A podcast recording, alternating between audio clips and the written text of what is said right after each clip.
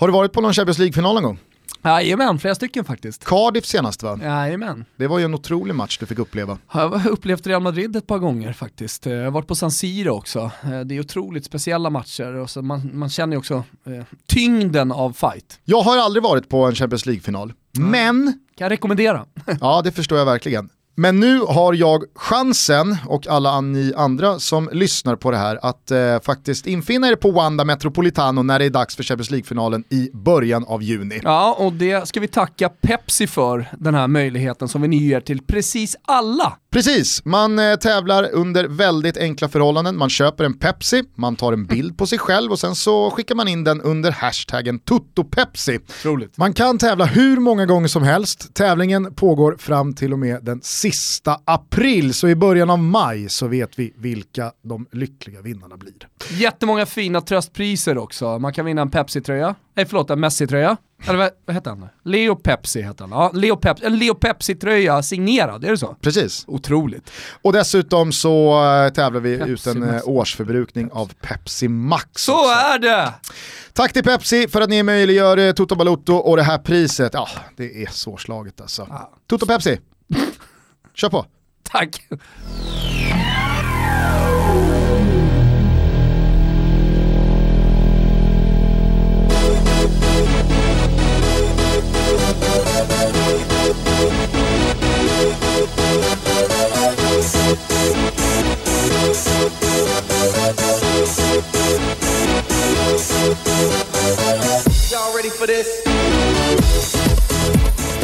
Varmt välkomna ska ni vara till Toto Balutto. Idag är en eh, glädjens dag. Vi har med oss en gäst och det är inte vilken gäst som helst utan Anton Mallen Tinnerholm. Välkommen till Toto Balutto. Stort tack, kul att vara här. Ja det tycker vi också. Berätta, vad gör du i Stockholm? Du är, du, du är en liten eh, litet eh, klaver här med USAs... Eh, med rättvisan?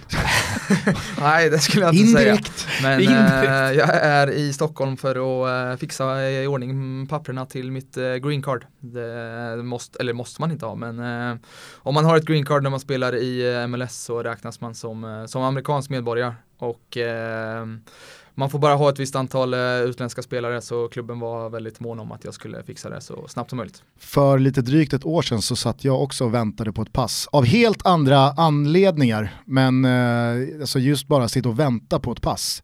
Jag var ju ute på Twitter och liksom så här, det måste finnas någon genväg. Det måste finnas någon möjlighet. Alltså det är ju ett pass som ska tryckas upp, hur, hur lång tid kan det ta? Men nej, det är bara, det är bara att vänta. Ja, de där grejerna, byråkratin alltså, det, speciellt när det gäller staterna kan jag tänka mig. Liksom. Samtidigt så bor jag på hotell här i Stockholm och har det rätt gött medan det är försäsong där hemma så det är inte så att jag klagar här heller. Det är ju en månad, nej inte ens fan, det är ju tre veckor till eh, premiär. Orlando borta eller? Ja, precis. Ja. Det är två och en halv vecka dit och vi möter dem i försäsong här om en vecka också. Så det är, det är lite speciellt att möta dem på försäsongen först och sen eh, en och en halv vecka senare så möter man dem i premiären. Men hur håller du igång då i snorkallt eh, Stockholm? Med, Medan resten av laget tänker då håller på att bygga upp sig inför säsongen? Eh, nej men jag kör ju på gymmet på, på 1-6 här har jag kört lite. Sen, sen har jag bara varit hemma, eller hemma och hemma, men i Sverige i alla fall i, i tre dagar så det är väl inte så att jag tappat eh, så mycket utan jag kommer ju direkt från eh... Men det är gymmet på 1-6? Ja, det är fint faktiskt. Ja. Stordalen har gjort det, gjort det bra där faktiskt. Ja, det, det, det, alltså, får jag lov att säga. Han har fått, framförallt, jag vet inte, jag har inte hört så mycket om själva hotellet. Det är säkert jättefint och bra rum och alltihopa. Men satan vad jag har hört bra grejer om ett, gymmet och två tak. Terrassen där uppe. Mm, det är dit vi ska, jag och frugan firar ett, en månad som gifta idag så vi ska dit och oh, ta en middag faktiskt. Grattis! Ja verkligen, mm, grattis ja, i, tack, i efterskott. Lite du, så, äh, en månad som gifta? Ja. Då gifter ni er i december alltså? januari, det är februari idag. Matte, men, just, det. Eh, just det, det är februari, fan vad tiden går fort alltså. Ah. Eh, vi kan väl bara säga det att eh, det här avsnittet spelas in tisdag den 12 februari, således så är det två dagar kvar tills första mötet mellan Malmö och Chelsea. Det är säkert många som kommer undra varför pratar ni inte mer om den matchen? Det är för att den inte har spelats. Eh, du kommer inte se den på plats har jag förstått. Tank Tanken är väl att jag ska flyga tillbaka till USA så jag hinner nog inte det men eh, om passet inte kommer så kanske jag dyker över, vem vet. Det blir Vad- du och Ponne. Mm, mm. Vad gör den matchen med dig? Börjar det rycka lite i liksom hemlängtan och Malmö-venerna? Nej, ingen hemlängtan så utan mer jävla roligt att, att få se den här matchen och hur de kan, kan mäta sig. Jag var ruggigt imponerad här sista matchen mot eh, Besiktas borta när, eh, när de tvålade dit dem. Jag minns själv när vi spelade Champions så eh, Eh, var det de här sista matcherna som var jobbigast när man inte hade säsong. Eh, vi fick väl stryk mot Real borta med 8-0 där och, och torskade väl ett stort PSG också. Eh, sen är det klart att det är klassmotstånd men eh, tyckte det var jäkligt svårt när man inte hade säsong så det ska väl bli intressant att se, se Malmö nu mot dem. Vilka är du tajtast med av de som är kvar? Mm, jag skulle säga Berra, Mackan och AC kanske. Eh, Berra skickar ju bland annat på bröllopet skickar han en video här. Eh, ni kan få se den efteråt, den är ganska för sjuk för att bara kunna berätta Vi så kan lägga ut den på Instagram om du vill. Ja, måste nog kanske kolla med honom först i sådana fall. Skit i han. Vi kör, vi kör. Ja, men, eh, eh, jag måste bara fråga, hur mycket Toto Balutto har du lyssnat på? Jag har faktiskt lyssnat en hel del nu i slutet. Jag, inte, jag ska inte säga att jag bojkottade er i början, men i bör- början lyssnade jag inte så. Eh, har väl hört att ni är lite speciella så, eller jag har förstått det också. Men, eh, Framförallt så är vi ju pro Tinnerholm. Det kan ju inte ha missat. Nej, jag har fått höra det av polarna så eh, det var väl lite det som gjorde att man började lyssna någonstans och sen eh, är ni väl inte så PK som många andra heller. Alla är en narcissist till slut. I, till syvende och sist så är man en narcissist. Eh, men då har du i alla fall lyssnat på några avsnitt där du vet att eh, när vi har en gäst så börjar vi med en faktaruta. Ja, precis. Eh, jag tänker att vi börjar i den änden här också, så kommer vi säkert tillbaka till både Malmö och New York. Fullständigt namn Anton Lars Tinnerholm. och mallen då? då? Mallen, eh, kan ni, eh, för en gång för alla, kan ni liksom, jag försökte översätta det till några grabbar i laget här, hur liksom man, man eh, översätter man mallen till, till engelska eller hur förklarar Men, man det Vad liksom? kan man säga? Textbook. Textbook liksom. Ja. Okej, alltså det är lite så facit på, ah, Okej, det är så man ska göra. ja, Sen, Det sen, jag man, sen behöver man inte säga mer eller? hur- hur- nej, jag skulle nog, alltså, du kan, kör textbook. Mm, jag kör det när jag kommer tillbaka här får se om de förstår någonting. Men förstod du vad vi menade liksom? Kan du ibland känna så själv när du vaknar på morgonen att ja, jag har spelat mina kort ganska bra här. Jo, vaknar man eh, på, på Manhattan och, och eh, kollar ut eh, på, på byggnaderna så, så uh, mår man ju inte dåligt direkt. Så absolut, jag, jag kände väl att valet har jag inte ångrat en, en sekund. Så uh, varken uh, livsmässigt utanför fotbollen och sen uh, framförallt uh, fotbollsmässigt också. Vilka jäkla förutsättningar det finns eh, där borta. Så eh, valet av eh, just New York ångrar jag inte en, en sekund. Ja men få förunnat, alltså få svenskar som eh, dels har varit över till staterna, nu blir det fler och fler då, men, men att att spela i New York. Alltså en gång i tiden så var det ju eh, Pelé som Mm, mm. för Cosmos i, i New York va. Så att eh, så jävla många har inte varit där. Nej, nej, jag kände väl att jag var, var i en ålder där jag kanske inte jag hoppas kunna spela på Anfield någon gång men jag har svårt att se att jag kommer spela i, i den röda tröjan då någon gång. Eh, så jag kände väl att eh, om jag ska gå till, ja, hade väl några alternativ men jag kände ändå att eh, jag kommer nog ha ett jäkligt bra liv där i, New York så jag kände väl att det var eh, absolut rätta för mig. Men jag tror att det är jävligt många som har en eh, svår relation till kvaliteten borta i MLS, alltså sådär, eller svårt att förstå vad det är för kvalitet. Det kanske vi kommer in på sen, men vad, vad var det för eh, eh, ligor som hörde av sig? Du kan få säga klubbar om du vill också, men eh, samtidigt som New York låg på bordet. Jag hade väl ehm, Championship, jag hade Belgien, jag hade Cypern, um, vad de jag vet, men, men sen, samtidigt Alltså det är en jävla skillnad på intresse och konkret bud också liksom. Eh, sen, sen fanns det väl mer konkretare saker på vissa ställen liksom också men eh, om man tänker intresse så kan man ju ha intresse från hela jävla världen liksom och, och så var det ju inte men eh, jag kände av de klubbar och, och länder som eh, hörde av sig så, så eh, var New York det bästa alternativet Var det ett mig. lätt beslut? Ja, det blev det faktiskt. När, när New York kom in i bilden så sa jag att det där, eh, det där vill jag köra på liksom. Eh, Så sen visste man inte riktigt vad som väntade men efter att eh, Vera ringt så, så blev jag ännu mer säker. Aldrig varit så nervös tror jag inför ett Hur, telefonsamtal. hur, hur var det, berätta. Vera, för de som inte har koll, före detta fotbollsspelaren. Eh, Ja, precis. Eh, Legendaren i, i Arsenal där. Eh, Han, eh, han skulle ringa en dag men eh, så, så var jag på nålar hela, hela dagen men sen sen ringde han liksom aldrig så, så jag var, undrade liksom vad fan det var som hände. Sen, sen nästa dag så, så ringde han och jag kommer ihåg när eh, telefonen ringde och det var det numret som, som skulle ringa från han så, så bara frös jag till och började, började liksom eh, svettas, kallsvettas om händerna och, och eh, min, min stappliga engelska var nog inte det bästa då kan jag tänka mig. Tänkte du liksom, jag, jag, börjar med ett, jag börjar med ett skämt här Nej. för att lätta upp stämningen? Eh. Nej, det, det, det var Man följde med i samtalet. Det var mer att jag ville få det gjort så jävla snabbt som möjligt. Men vad, alltså handlade det samtalet någonting om att så här, nu ska han ta ett slutgiltigt beslut eller var det redan klart då eller vad, vad skulle det samtalet handla om? Nej, det här var ju innan jag hade skrivit på så det här var ju att han skulle övertyga mig om att jag skulle komma dit. Så han berättade lite om hur de såg mig och hur de ville använda mig och, och um, vad det fanns för förutsättningar i, i Right wing, ja, Run up and down and maybe shoot some uh, goals. Och jag svarade väl yes or no liksom hela ja. tiden. Så uh, nej, det var nervöst men uh, det fick Men hade du redan bestämt dig då Eh, I princip. Eh, vi hade väl inte diskuterat så mycket kontrakt däremot, men, men jag hade väl någonstans en känsla av att jag ville, ville gå dit. Eh, så det gjorde väl saken ännu, ännu lättare liksom. så det var jävligt nervöst men samtidigt ett ännu lättare beslut. Alltså jag tänker så här, där och då, din blivande fru kan inte ha varit helt missnöjd med att det blev New York. Nej, det, det kan jag inte säga. Hon, hon har haft det rätt gött under året. Samtidigt så, så är det lite lite svårt eh, för, för henne många gånger för hon får liksom ingen, eh, man får inget uppehållstillstånd så, man måste lämna landet efter ett halvår och, och, man får inte jobba eller man får inte göra så mycket så, så, så det blir väl eh, Finns ja. ingen WAGs-deal med Nej, amerikanska regeringen? och min, min fru är inte den typiska wagen heller. Nej, hon, hon, hon, är mer en som vill ha sitt eget äh, lilla liv också. Och det har väl inte varit så jävla lätt alla gånger. Men äh, nu när vi ska få green card så får man väl se vad, vad hon kan hitta på också. Ja, men jag tänkte, alltså lite som du, kanske inte åt WAG-hållet men att ligan ja, har sett till så att det byråkratiska funkar för att en spelares fru, eller i alla fall sambo eller partner ska ja, men, få lite liksom, underlättad eh, situation än eh, average Joe. Nej, man ska inte tro att man är något där. Och det, det är bara att ställa sig i det här ledet som finns. Det, det, det är Fan, inte du är här ju. det är inte mycket annat utan eh, man är en del av det och, och jag tr tror att just den eh, ja, politiken har säger det strypt ytterligare nu de, de senaste åren så uh, vi får vara glada att vi får ett green card. Det tror, är inte men, många som får det här. Men alltså tror du att det är samma för, ja men ta Zlatan? Eh, och eh, Helena Seger. hans familj, Helena Seger. Helena behövde inte lämna efter ett halvår. Omöjligt. Eller? Jag vet inte alltså.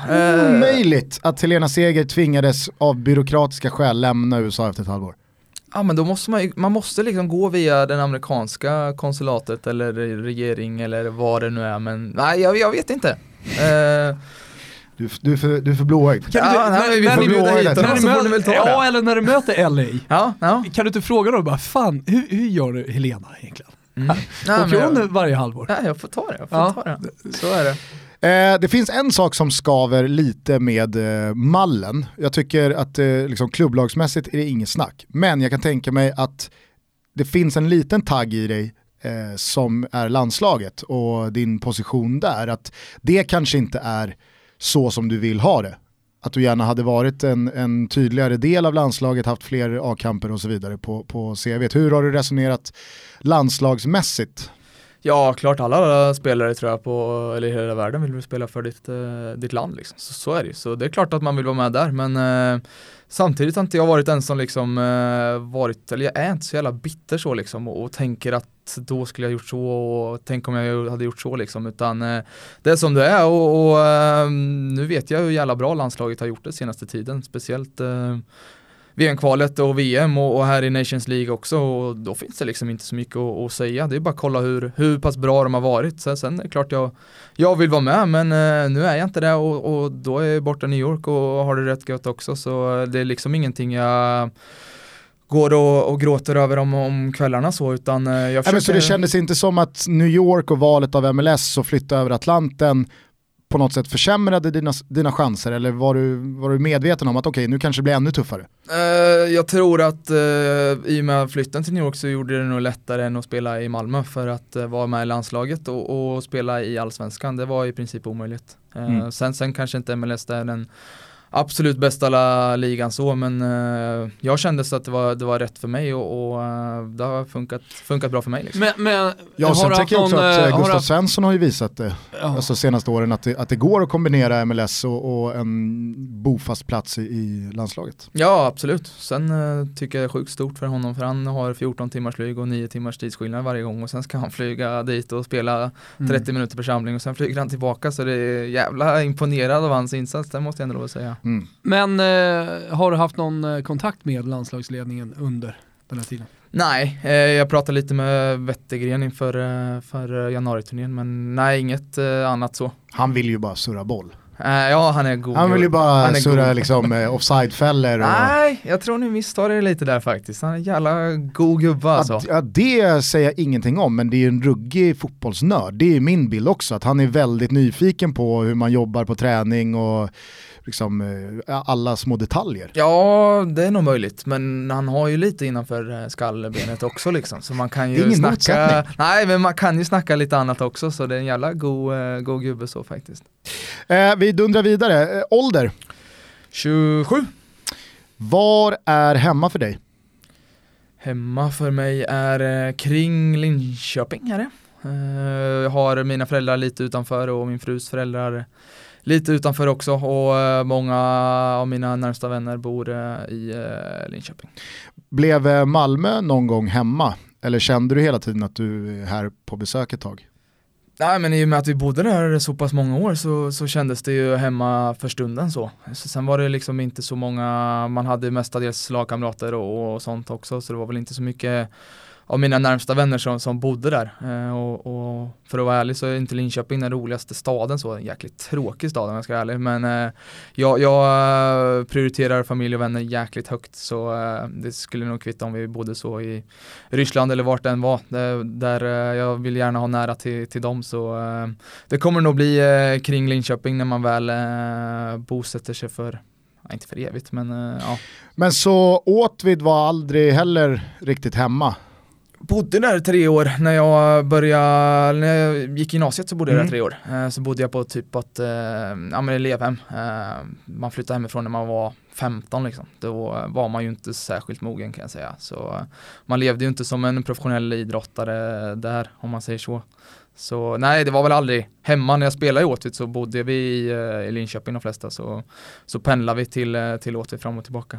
Man får ju säga att det är en jäkla kontrast eh, mellan dina två tidigare svenska klubbar. Alltså Malmö FF ska spela Europa League 16-del mot Chelsea Åtvid är inne i en helvetesvandring av Guds nåde. Vad, vad gör den med dig? Följer du laget eller har du, har du lämnat dem bakom dig? Nej, jag följer dem. Eh, lagkaptenen där var, var bäst man på mitt eh, bröllop mm. eh, också, så jag har många goda vänner där och tränar med dem i, i vintras också, så, så jag har väldigt bra kontakt med, med både spelare, ledare och, och uh, folk högre upp i, i klubben också. Så, uh, jag, vad är din bild av vad, vad som hände? För att, uh, alltså, det är från allsvenskan till division 1. Mm, man klarade klara sig med ett mål i division 1 förra året, så ja. det är klart att det gått väldigt snabbt neråt. Men det kändes, ja men någonstans ligger det i ekonomin där, men man handlar ju för, för, för pengar man, man inte hade. Tog in spelare som tjänade en hel del och, och ändå så gick det åt, gick det åt helsike liksom. Eh, och framförallt många spelare utifrån som kanske inte brydde sig om, eh, om föreningen på det sättet. Eh, så man har ju fått börja om lite nu och ta in lite lokala och alla värvningar är typ från lägre divisioner nu. Så, så nu har man fått göra någon... Ett riktigt slätta lag då? Ja, men göra en ny start. Alltså om man tänker på det laget vi hade när vi var i Superettan Allsvenskan där liksom, så, så var det ju ändå folk från, eh, inte bara från, ja inte bara från närbygden men vi hade liksom Ja, Mange Eriksson från, från Stockholm, Prodell är väl från, uh, vad är han ifrån? Västerås, Katrineholm Ja, det är någonstans i och sen Ar Arvidsson också. Han är ju nära på att säga Bo Borås. Ja, Hallingström, eh, Fimpen, mm. Plig, ja, Haris Radetinac hade vi liksom, så det var ju ett fantastiskt lag, men ändå spelare som var från närområdet liksom. Och det, var väl där man glömde bort någonstans. Och ja, tog lite spelare som eh, kanske inte brydde sig så mycket. Så, så mycket. Men eh, nu har man väl ändå gjort en ny start och, och ekonomin ser väl bättre ut. Så, men, eh, men om du skulle vända hemåt eh, senare i karriären, nu har du förhoppningsvis många framgångsrika år eh, ute som proffs i, i världen kvar liksom. Men eh, då är det, är det Åtvid som ligger närmast om det inte handlar om pengar och, och sådär? Ja, alltså om man kollar på Granqvist nu till exempel som vände hem till Helsingborg då för att han ville bo där och du ser ju själv att du är hemmakär. Ja, hemmakär är flera ord, men, men jag gillar att vara med familj och vänner. Men, eh, ja, men jag menar, ja, ser jag du en framtid med barn eh, på Slätta eller eh, någon annanstans i Sverige? Ja, i Linköping då, ja. eh, absolut. Men eh, det, Åtvid är väl eh, absolut, det skulle jag kunna tänka mig. Men sen om de spelar i, i division 1 och division 2 och man kommer kanske utomlands och har några år kvar så får man väl kanske kolla jo, på annat. Du är ju 35 liksom. när du vänder hem. Liksom. Är det då, så? Är, då är du gammal. Jag har sagt 10 år så ja. 37, 38. Ja, Kommer det hända för Linköping City eller vad är din bild där? Eh, de har ju hållit på att bygga ett tag nu och, och de kom väl i mitten av ettan nu. Eh, så de har väl ambitioner och Träningsspel är ju bara mot massa allsvenska lag. Ja, och gjort det rätt bra också Aha. faktiskt. Eh, så de har ju arena och, och, lite andra förutsättningar faktiskt. Så sen måste väl de få lite Ja men eh, stabilitet så också. Nu, nu dra, tar de väl över några ungdomslag här om jag fattar det lite rätt och, och måste väl få Linköpingspubliken på, på sin sida och komma till matcher och så. De har väl inte hunnit bygga upp det riktigt men det är klart det finns förutsättningar. Men är det en hockeystad eller Linköping eller eh, har fotbollen bara aldrig liksom slagit rot? Ja om du ser eh, bland, eh, alltså herrfotbollen så har ju den eh, varit stor förr i tiden. Jag vet att Saab och Derby var i allsvenskan. Eh, det är jävla många år sedan alltså. Det innan er tid till och med.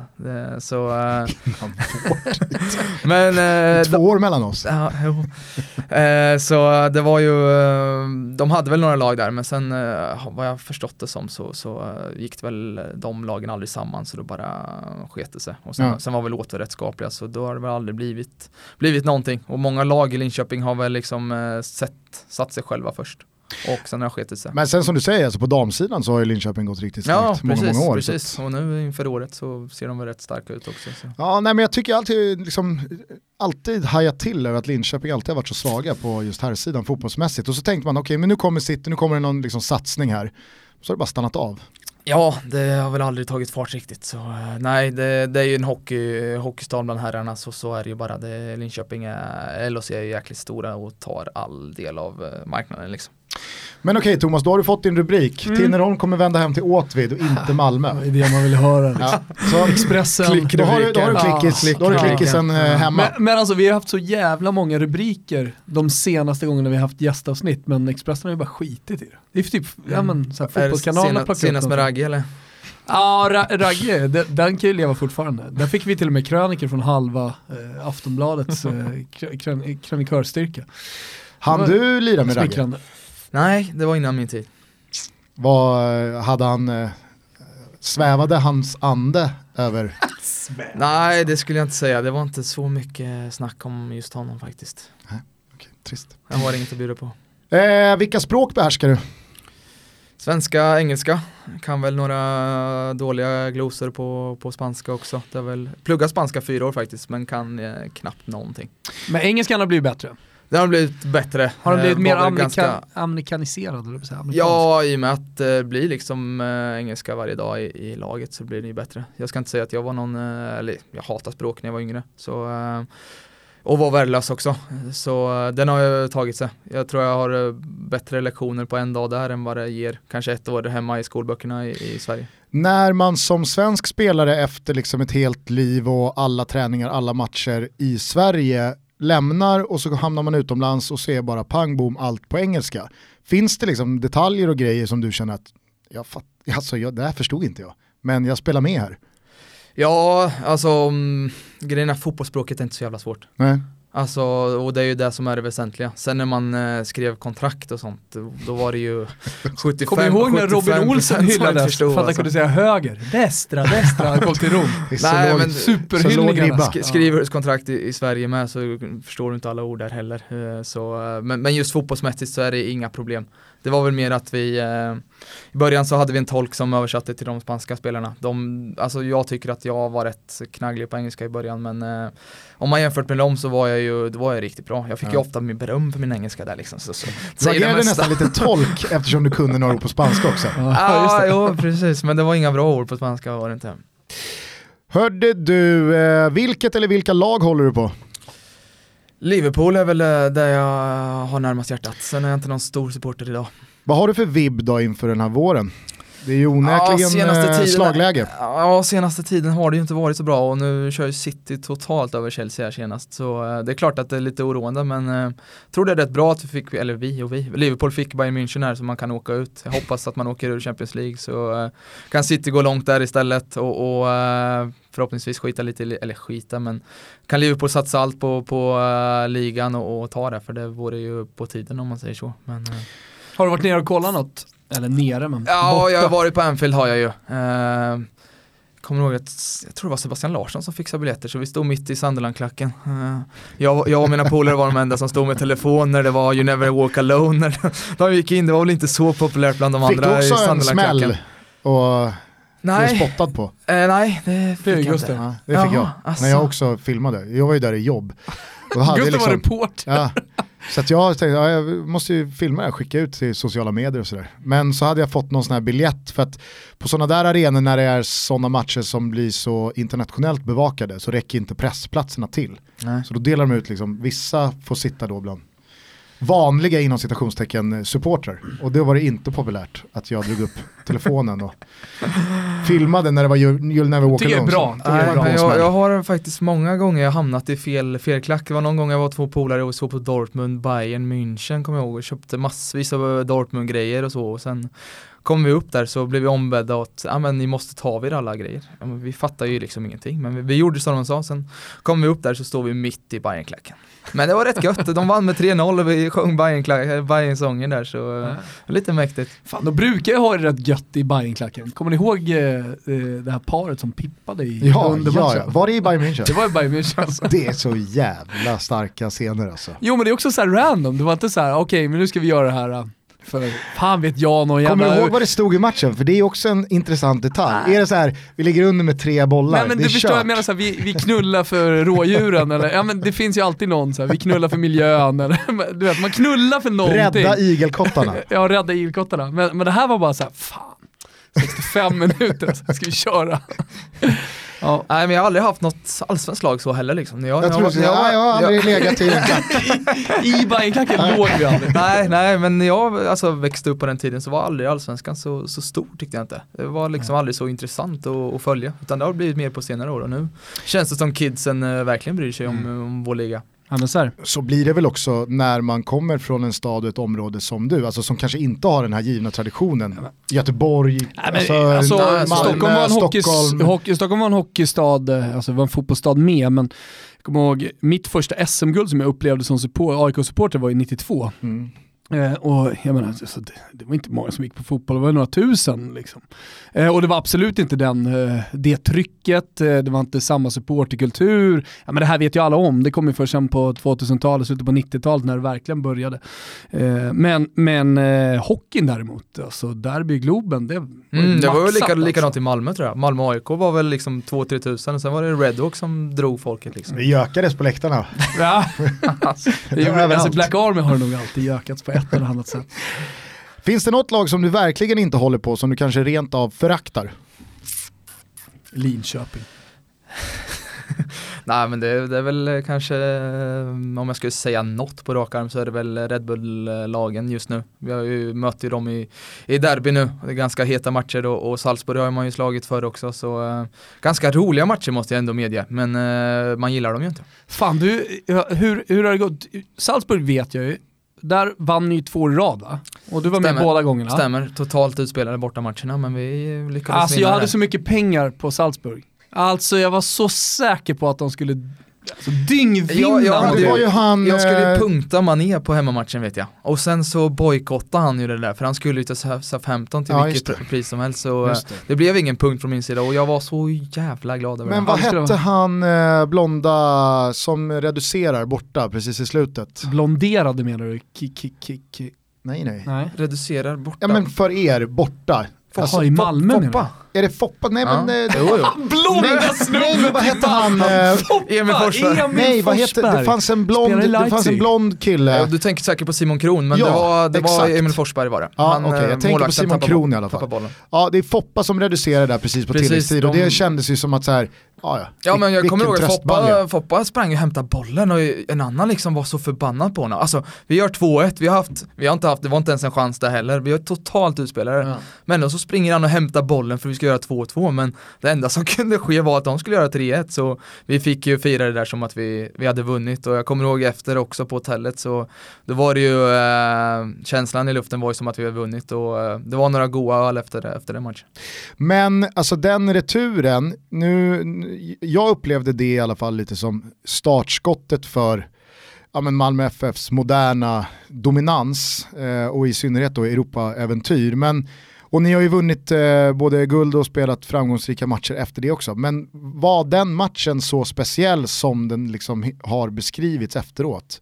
Och den rollen den har fått i Ja, men det, historieskrivningen. är också, det är också beskrivet som den matchen där det kanske var bäst tryck på, från läktaren också, hemmamatchen. Ja, det var väl den hemmamatchen och, och Prag-matchen där innan också så, som någonstans förändrade, eller förändrade, men, men början som du säger av en storhetstid som jag ser det, som jag inte ser något slut för eh, Malmö just nu. Så eh, det var väl just Salzburg-matchen hemma är väl den matchen då vi går vidare till, till Champions League och eh, just där och då så kändes det så, så självklart liksom. Åge liksom, han printade in i våra huvuden att det här ska bara gå.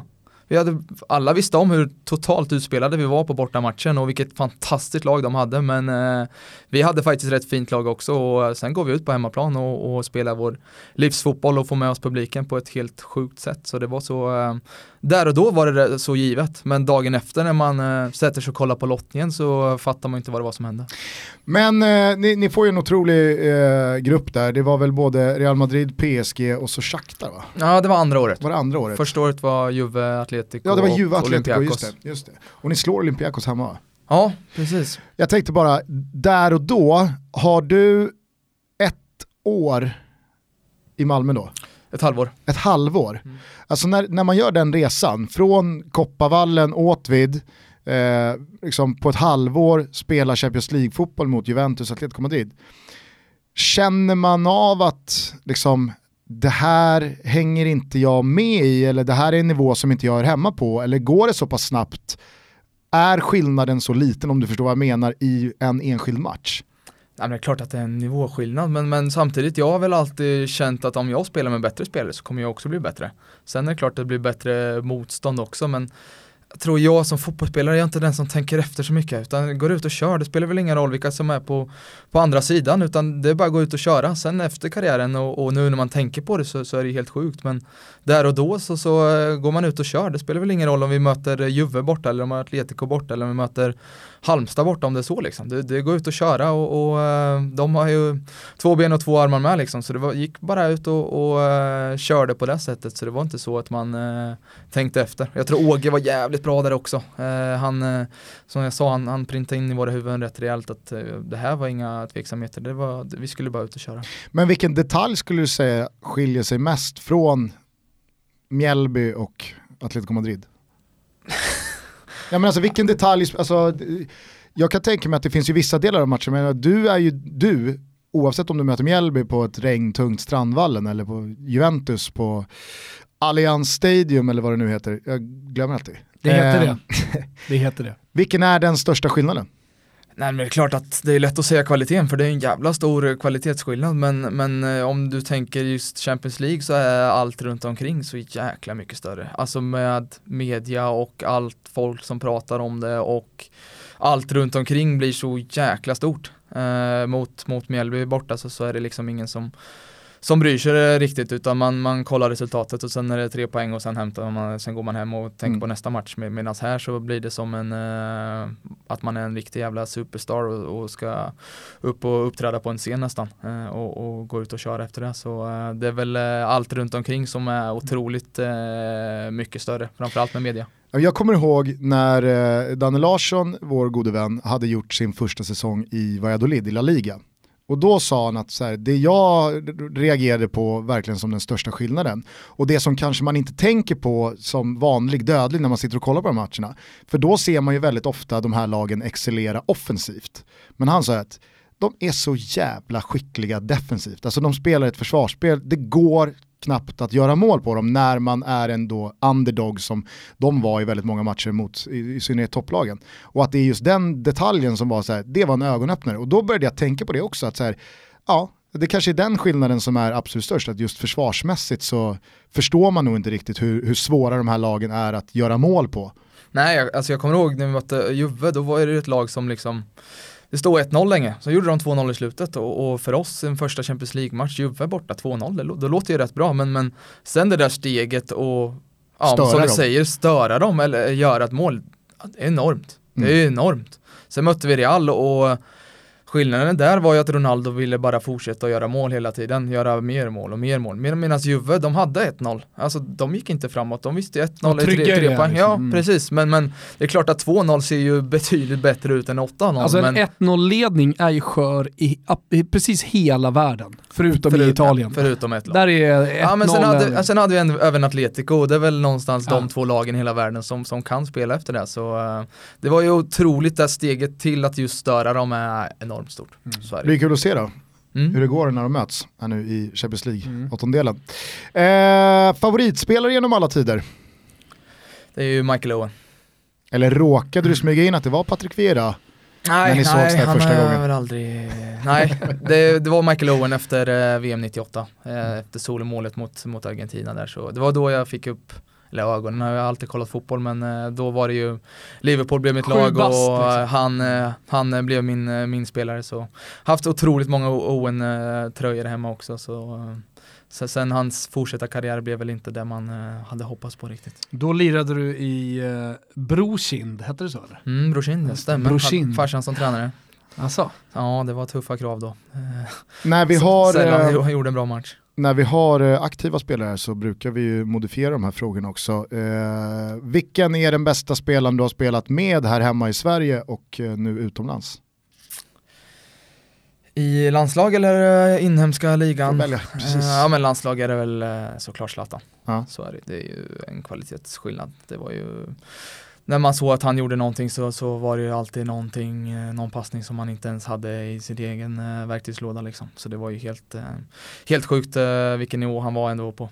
Utomlands just nu skulle jag säga Lätt att säga David Villa men eh, Maxi, Maxi Morales tror jag inte så många hade koll på. Ehm, en liten, liten lirare som är nog 55, spelat i Atalanta och jävla trygg med bollen så en fantastisk spelare.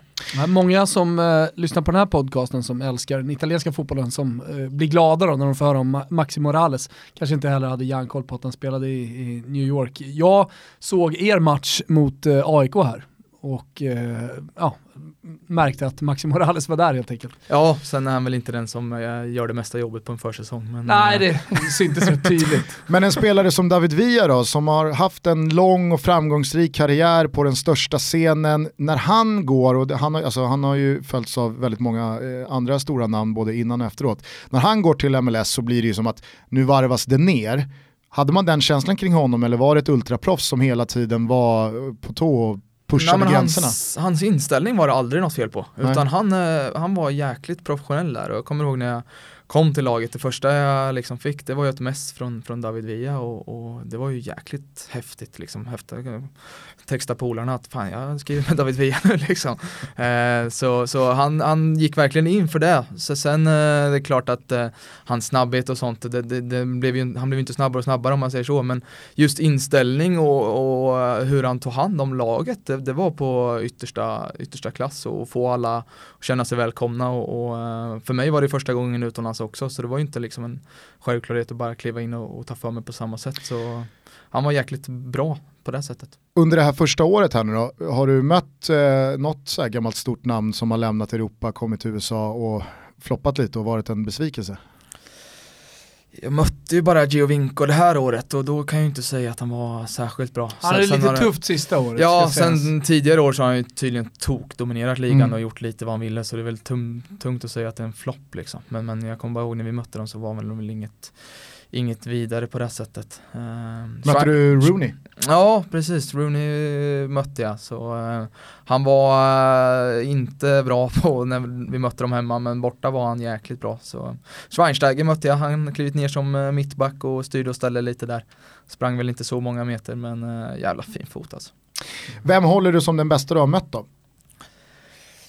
Mm, jag... Fan vilket urval du har efter Vem de där Champions League-säsongerna. Vem hade du alltså. emot dig i Juventus? Ja, jag hade faktiskt Pogba, Tevez och ja, Evra på min kant. Och då, då spelade vi lite 3-5-2 så då var det ju mina tre gubbar jag skulle ta hand om, kommer jag ihåg Åge sa till mig. Så det var väl inte så här att man... Tuff uppgift. ja, men jag, jag var faktiskt nere och kollade på eh, matchen på stadion och eh, tycker ändå, fan det, det gick bra där på kanten. Alltså Pogba spelade mycket och höll på att vända, vända hela tiden. Fick bollen, skulle slå crossbollar över till andra sidan. Det var som att han liksom var på träningspass och skulle hålla på att slå crossbollar som att tränaren hade sagt till honom liksom, och, och, söka den hela tiden.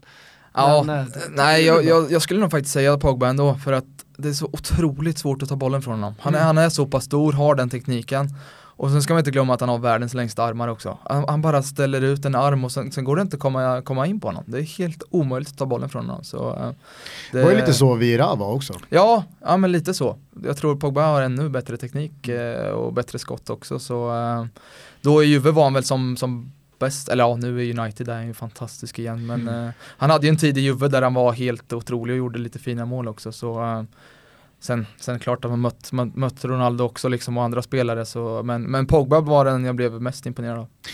Den där bortamatchen på Bernabéu, mm. var det 8-0? Mm, det var inte roligare. Nej men alltså hur, hur, hur, hur mår man under en sån match? Vill man bara att det ska liksom snälla blås, ja, jag kommer, kommer ihåg att vi hade 0-3 i paus och får världens utskällning av uh, Åge. Um, och vi kände väl att det kunde ju varit ännu mer liksom. Och, och eh, det var väl inte så roligt att kliva in till andra halvlek där. Sen, sen gör de väl eh, två, tre snabba där så det står 5-0 Eh, och sen ser jag att de signalerar för byte och tänker att men nu tar de ju av Ronaldo liksom, nu, det är skönt. Men nej, istället så tar de ut Arbeloa och sätter in Marcello. på min kant, så jag hade Marcello och Ronaldo på min kant och sen tror jag hade eh, Vladimir Rodic framför. Och det, Alltså det är, en, det är en bra spelare men, men möter du Real borta och ska försvara så då vill du inte ha Rodic, då, då vill du inte ha Rodic Det är det första du. Nej, nej men så är det. Det är lite som, eh, vet du vad det är lite som? Det är lite som när du spelar i svenska landslaget och är högerback och möter Tyskland och du krigar och du får Durmas på din kant. Då tar du ju hellre, då tar du hellre Rodén. Ja, ja, jo men jag förstår vart ja. du vill komma, men jag tror Rodic är ännu, ännu värre på det sättet. Absolut. Eh, så eh, de gjorde ett par snabba där och sen kommer jag ihåg att de gjorde 8-0 med kvarten kvar. Mm. Och då, ehm, då måste man ju jobba mot jag, tian. Ja men då samlar jag väl, eller samlar ihop det, men då pratar vi lite att det får fan inte gå över tio. Alltså då är det riktigt pinsamt. Sen, sen höll vi nollan sista kvarten liksom. Starkt! Nu håller vi nollan sista kvarten ju. Mallen! Så, så sista vi, kvarten är mallen. Så hade vi liksom 3000 Malmö-supportrar på läktaren också, men eh, de var ändå fantastiska och sjöng. Så det var jag har ju en uh, liten fäbless för uh, så kallade fuck this shit röda kort. Att man i ett givet läge av en match som man kommer förlora mm. tar ett rött för att mm. man själv inte pallar med att vara kvar. Mm. Alternativt då fejkar en, en vad eller en ljumske eller en baksida. Ha, har, du, har du någon gång funderat i, i de banorna? Var nej, det nära då? Nej, samtidigt tar du ett rött när det står 7-0 till Real eller 8-0 till Real så kan det bli 12-0 och då är ju du den ännu mer som får bära hundhuvudet. Så eh, då, då, tror jag inte du ska ta där Real borta när det står 7-0. Ja, du eh, känns inte som en faktisk shit eh, liksom, Nej, det ska nog mycket till för att jag skulle ta. ta det. Ja, Rodic funderade ju. jag vet inte, han byttes väl ut efter ett tag där också. Men nej, jag, jag skulle aldrig vilja sätta mina lagkamrater i, i den skiten faktiskt om jag ska vara ärlig. Lojal. Ja, verkligen.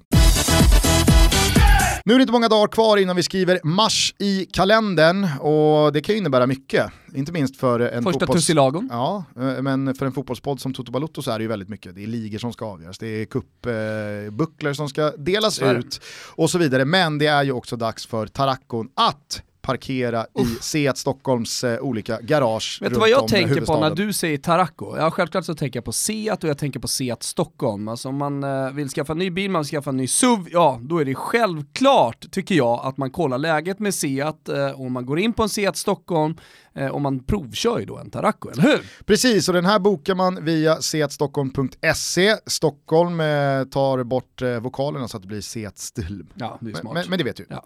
Eh, dessutom kan man följa eh, Seat Stockholm via Instagram för mer information och nyheter. Men du och jag vouchar verkligen för deras privatleasingsdealer. De är be- bekymmersfria, de är generösa och de är väldigt, väldigt smidiga. Ja, eh, exakt så är det. Man, det är väldigt enkelt att gå in på en Seat Stockholm och få med sig en bil därifrån och det är ofta en ruggigt bra deal också eh, som man får när man har suttit ner och pratat eh, med säljarna där borta. Eh, jag skulle bara vilja säga en sak om den här eh, Fickis eh, mot Mickis höll jag på att säga. Vad var det vi sa? Ja, det var Fickis mot Mickis. Ja, du skulle fick parkera mot eh, Top Dog Micke. Jag undrar om det inte är just en Tarraco som ni ska fick parkera med. I och med att ni säger att ni är så bra, Tarracon är lite större för att det ska få plats, hur många då? Sju. Jajamän. Plus massa Så bagage. jag tänker liksom, sätter i en liten eh, Cupra, det blir inte, det blir liksom ingen utmaning, är du med? Nej. Så eh, en stor, eh, en stor Tarraco. Ja, eh, då kanske jag måste gå in och boka en provkörning då så Ja. att jag kan eh, öv övningsficka lite med, med Taracco. Tack till Seat Stockholm för att ni är med och möjliggör Toto Balutto. Stort tack. Jag vill ge min varmaste rekommendation till Manchester som resmål, inte bara för fotbollen som erbjuds, alltså eh, United Old Trafford eller Etihad och eh, kanske Europas bästa lag, Manchester City. Mm. Utan även... Mm. Men i alla fall, eh, vet du vad de är? när du säger Europas bästa lag och säger kanske, de är i alla fall dunderfavoriter att vinna Champions League. Absolut, eh, och varför inte då åka och se dem på plats? Kanske göra en sån här riktig drömresa, tajma in en Premier League-match med United på helgen, se City i veckan i Champions League. oj oj oj, nu snackar vi! Ja. Nu snackar vi Gugge! Nej men eh, jag var ju där nyligen och jag blev verkligen förälskad i Manchester som stad. Mm. Northern Quarters, jag var på The Old Nags Head, George Bests gamla stamställe. fint. och eh, drack några pilsner och, och hade det trevligt med United-supportrar. Så att, nej, bra restauranger, bra pubkultur, fantastisk fotboll. Och, jag menar, nu har du ju sålt in det här resmålet eh, och man åker ju såklart Norwegian dit, eller hur Gusten? Och man bokar ju såklart nu, för då får man 10% rabatt. Man går in på norwegian.se slash tutto och sen använder man koden TOTO 2019, då får man 10% rabatt. Och du ska berätta eh, exakt varför, men bara sista liksom, för att putta eh, våra lyssnare over the edge. Ja, man kan ju faktiskt bara ta bussen eller tåget till Leeds och kolla på när Ponne säkrar Premier League, eller hur?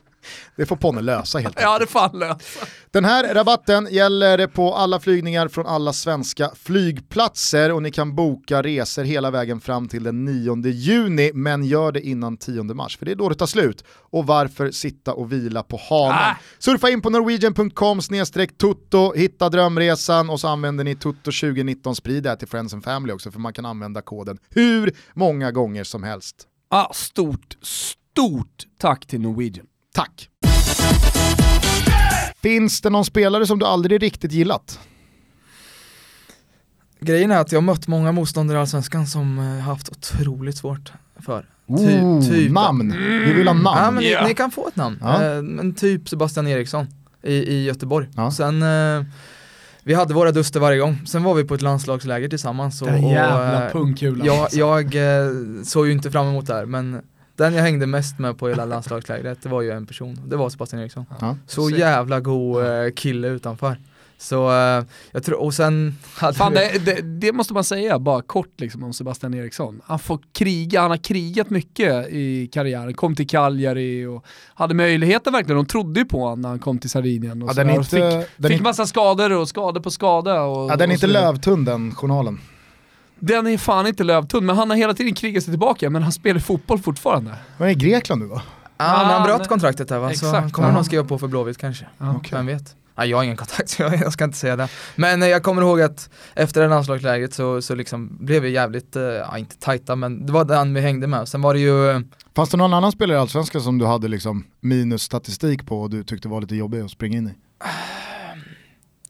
Nej ja, fan det finns många spelare som är jobbiga men eh, det är väl han jag tänkt på mest. Um, jag kommer bara ihåg att efter det här, efter landslaget så, så var det ju Blåvitt Malmö var premiär här på, på Nya Ullevi och tänkte att ja, men nu har man ju ändå fått en lite bättre koll på honom. Sen så tog det en kvart så höll han på att bryta benet på mig. Så, så då var man ju tillbaka där på, på plan liksom. Sen, sen utanför är det fine men nej det finns många spelare liksom. Det, jag tror eh, tror inte folk fattar vilket, eh, alltså klimatet på plan är inte alltid så bra. Det, det, kan jag lova att säga. Det är många saker som, eh, som man inte kan sitta och säga här som, som kommer ut där. Speciellt ja, det, det de stora, kan, det stora kan, matcherna. Jag, jag, vi hade ju eh, Stefan Johannesson här. Mm, mm. Eh, och även fast det kanske i vårt avsnitt i höstas lät på honom som att nej men eh, liksom, nivån på det verbala ligger på en liksom, eh, okej okay frekvens så såg man ju på honom att här sitter han och blåljuger.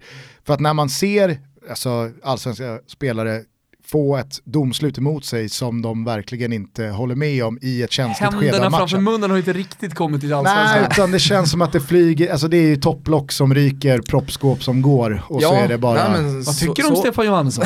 nej, han är faktiskt en av de uh, domare som jag uppskattar mest, okay. för han kan jag prata med. De domare som eh, jag inte gillar, det är de man inte kan prata med. Sen, sen kan Johannesson också ta och, uh, horribla beslut, men han kan i alla fall prata med en annan. De värsta domarna är de som springer därifrån och inte säger ett ord. Men, uh. men den här uh, liksom, grovheten då i det verbala på de allsvenska planerna, upplever du det som ett problem och är det någonting som borde liksom, göras någonting åt eller är det bara så det är? Ja, men jag tror att eh, lite från spelare till spelare också. Alltså jag, jag har alltid gjort allt för, för mitt lag och, och jag tror det är många andra spelare som kanske inte uppskattar det och, och, jag hamnade i mycket, mycket dueller. Och sen de här matcherna där det är ett, det är ett derby, säg att eh, vi möter Helsingborg eller vi möter ett eh, Göteborg eller, eller AIK eller whatsoever. Då, då, eh, då står det så otroligt mycket på spel. Så, så jag vet inte om det är ett problem, men för en annan är, det så, är man så inne i det på det sättet. Eh, och, kan du bli eh, förvånad över vad som kommer ur din egen mun? Ja, men eh, jag vet inte, det är väl lätt för mig att sitta här och försvara mig själv, men, men jag brukar inte använda de uttrycken som, som många andra kunna göra. Sen, sen brukar jag visa det mer på, på plan. I duellerna? Ja, men sen, sen brukar jag vara ja, har en rätt tråkig relation till media så också. Jag bruk, brukar inte eh, berätta alltid vad, vad, man säger eller vad man gör på plan utan det, det, får stanna på plan. Jag vet inte hur många allsvenska läktare du har suttit på men eh, alltså, det är ju en sak som jag verkligen har reagerat på senaste åren också. Att språkbruket som är på läktaren Alltså det är så grova grejer som skriks mot både domare, motståndare. Du, jag har varit på, jag har varit på allsvenska läktare med mina döttrar. Ja, nej, men, De lär alltså, sig nya ord varje gång. Nej, men mm. det, det är verkligen, vissa matcher och på vissa läktare så kan det vara, alltså det, det, det är verkligen bedrövligt och det är pinsamt. Dock, en sak som nästan är totalt eh, frowned upon, eller liksom totalt bort, eh, bortkollrat från alltså. Jo men alltså, äh, men det, det som verkligen inte existerar i 99% vokabulär är ju rasism var det så på plan också? Att det var, det var sexistiskt, det var jävligt mycket könsord, det var homofobiskt, men rasistiskt var liksom Nej, aldrig upplevt något uh, rasistiskt uh, överhuvudtaget. Så sen uh, jag som uh, vit har väl aldrig, jag får det aldrig till mig på det sättet heller. Nej, jag tänker vad man hör jag, också. Jag har aldrig hört uh, någonting säga det överhuvudtaget. Det som du säger, det, det det finns eh, gränser där också och eh, något eh, rasistiskt har jag aldrig hört överhuvudtaget och, och jag tror fotbollsspelare överlag, inte i allsvenskan så kanske men uh, framförallt internationellt har, har lärt sig att kunna säga nej nu liksom och man har ju sett exempel som, som går av planen också så uh... Barcelonas nya offensiva mittfältare till exempel, Kevin Prince var en av de första som mm. klev av under en träningsmatch. Suley Montari. Han också. Också tidig. Pescara Eh, jag tänkte bara på det, på den frågan, eh, som är spelare som är tuff att möta. Du har väl haft ett par lagkamrater i Malmö som du även har mött? Mötte du, han du möta Rosenberg? Nej, han eh, kom ju på sommaren, eller på innan säsongen så kom jag på sommaren där så jag ja, aldrig Så den aldrig... våren möttes ni inte? Nej, utan jag kom ju, jag hade, jag skrev på faktiskt precis innan det var Malmö Åtvid och den matchen fick jag stå över. Eh, Mange Eriksson? Ja, han har ju mött många gånger, men jag började med att spe, spela med honom hela tiden. Eh, och älskar att ha honom i mitt lag liksom, det fanns ju inget bättre. Men sen, sen när man mött honom så eh, har det varit lite jobbigt för han eh, är ju så extremt bra på att fixa frisparkar. Han, Ja. han sträcker ut sin stora rumpa och sen springer man in i honom och sen lägger han sig med händerna över bollen. Sen, sen tar han en snabb frispark så är det ingenting med det. Men samtidigt lika skönt och vi slår dem rätt ofta när, när jag spelar i Malmö och han, han i Djurgården så det var ganska skönt.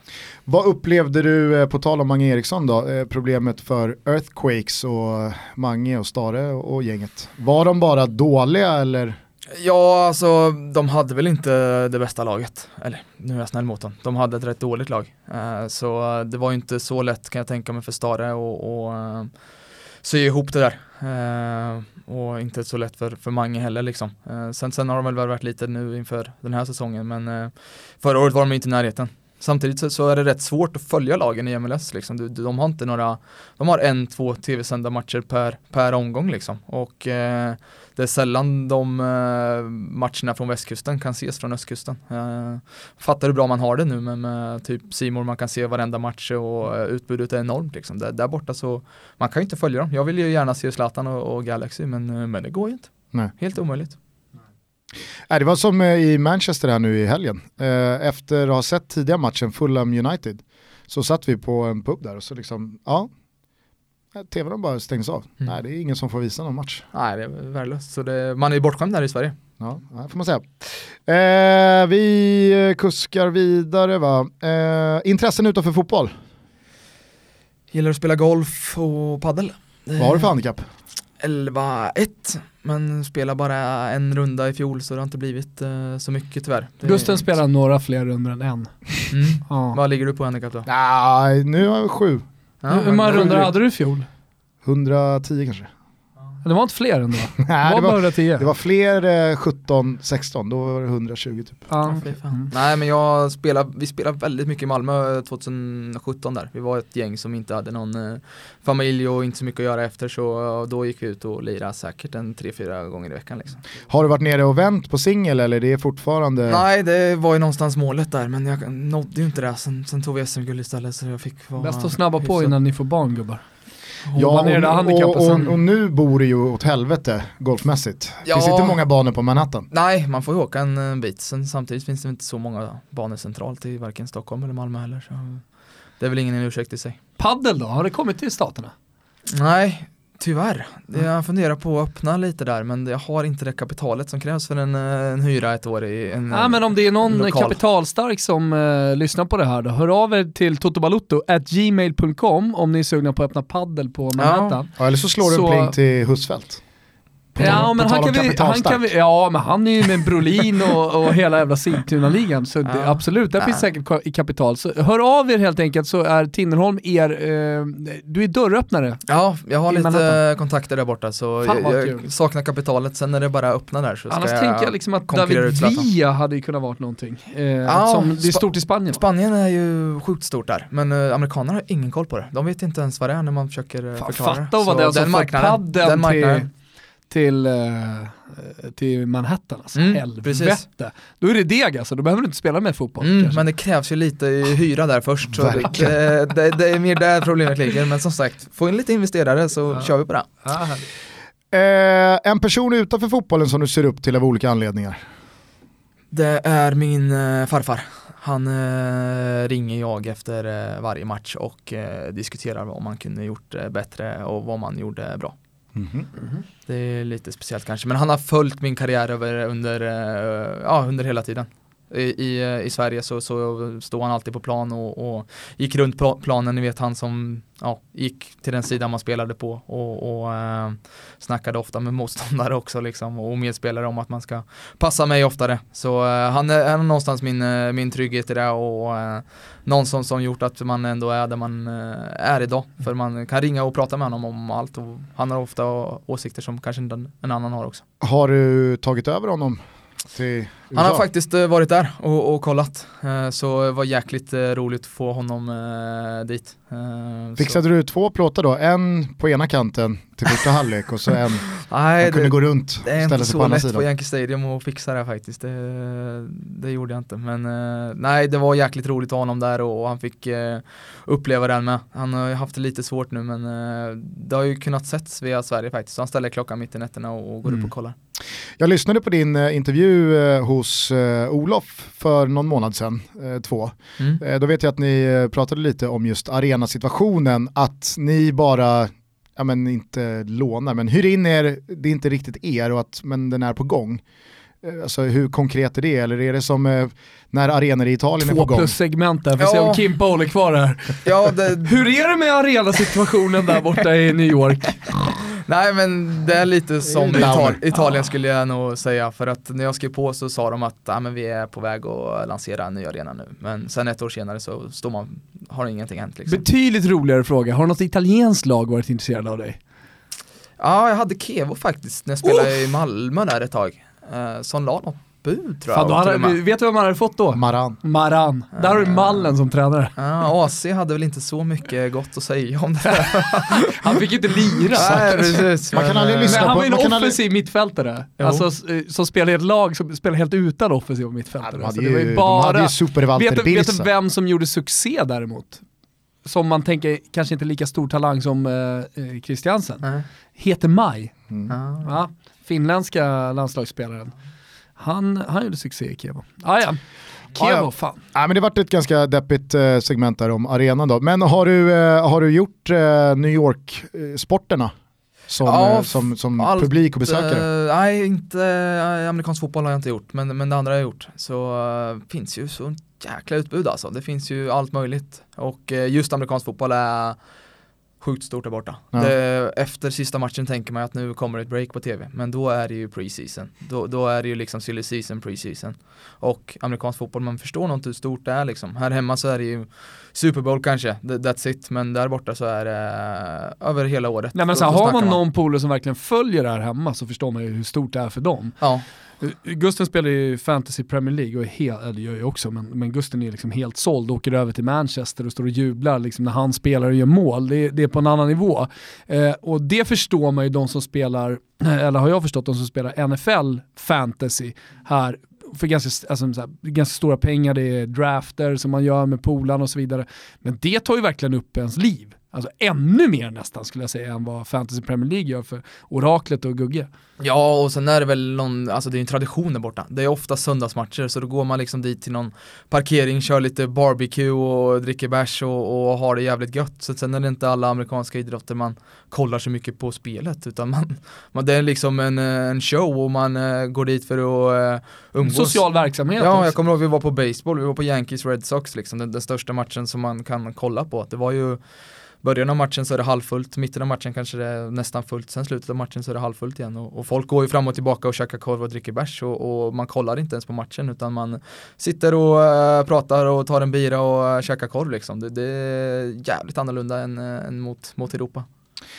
Eh, har du eh, kikat eh, hockeyn? Ja, precis. Det... Är du Rangers eller Islanders? Ja, mer eh, Rangers, det är ju för Henke liksom. Eh, däremot så är det ju samma ägare på något sätt tror jag till eh, Madison Square Garden som det är till Red Bull så, så det är lite, det är inte så lätt att fixa biljetter på, som man kan få till Islanders. Du har inte tagit en första dejt med Zibanejad? Han verkar vara en jävla skön lirare. Ja, han verkar gå i jävla bra form också och bra ställe men nej, jag har inte varit i kontakt med honom. Själv är jag Nix, Åh fan. Mm, om man mm. en keps här som man pekade på. Också jag vet eh, New York Devils annars, det är hockey men det, det var ett jävla deppigt ställe. Det var riktigt tråkigt. Det är ju på Jersey side också. Ah, okay. Mm. Det är fel sida. Av allt du har varit med om, vilken är den fetaste fotbollsupplevelsen? När jag spelat eller icke spelat? Både och. När jag inte spelat skulle jag faktiskt säga när vi var på EM 2000. Eh, jag, brorsan, morsan och farsan var på eh, Sverige-Turkiet minns jag bland annat. Eh, efterhand eh, utsedd Nej, till precis, EMs. EMs sämsta match inom tiderna men eh, när vi gick därifrån vi tyckte det var så jäkla Såklart. häftigt och vilken bra match. Otroligt, alltså, du är den första som någon gång någonsin har haft något bra att säga om den matchen. Ja, men det är mitt Om första... EM om EM 2000 också, folk pratar inte speciellt mycket om EM 2000. Nej, men Sveriges insats är ju mörk. Jo jag vet, men, Ja, men alltså jag så hade här, ändå Johan Mjällby som gjorde mål där när målvakten halkade håller på att och missa. eh, Henke Jo men det, gjorde det är ett mästerskap och... som är lite bortglömt. Okej Ja. att det är mörkt för, för svensk del, men, det, men jag menar, många minns ju VM 98, vi är inte ens med då.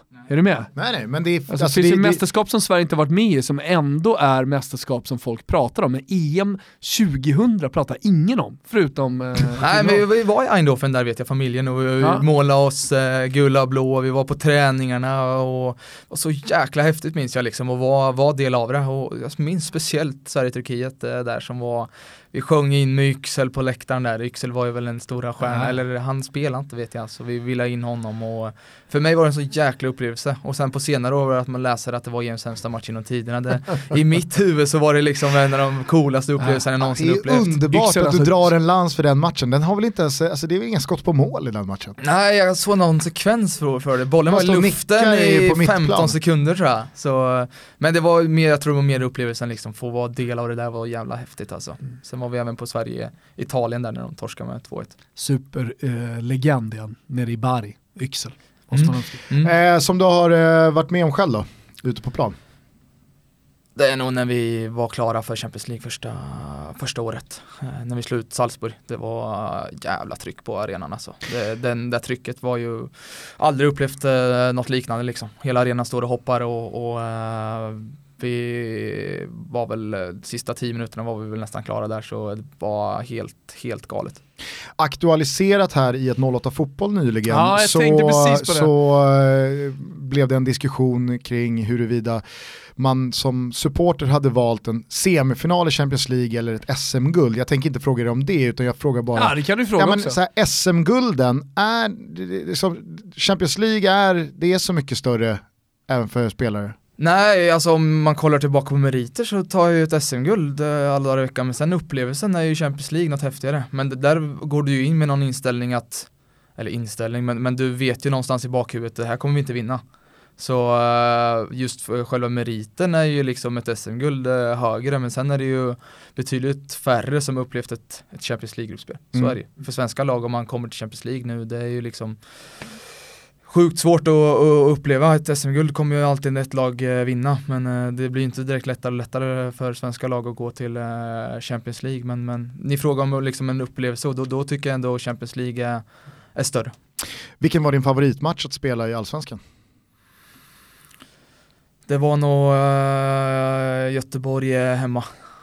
Eh, det var, jag vet i början när jag kom till Malmö var de inte så tokiga, de, de var, var i toppen då minns jag. Och hade nog rätt hyfsat lag så eh, det var ju en jäkla Stare. Ja, de, de, var, de var rätt hyfsade och det var väl där Malmö gick om dem i guld tror jag också. Så det blev ett jäkla hets mellan, mellan eh, fans och sen blev det det här med Sana också. Så det, det blev ju eh, Sen levde det hett. väl för Blåvitt hela vägen där när Norrköping vann 15.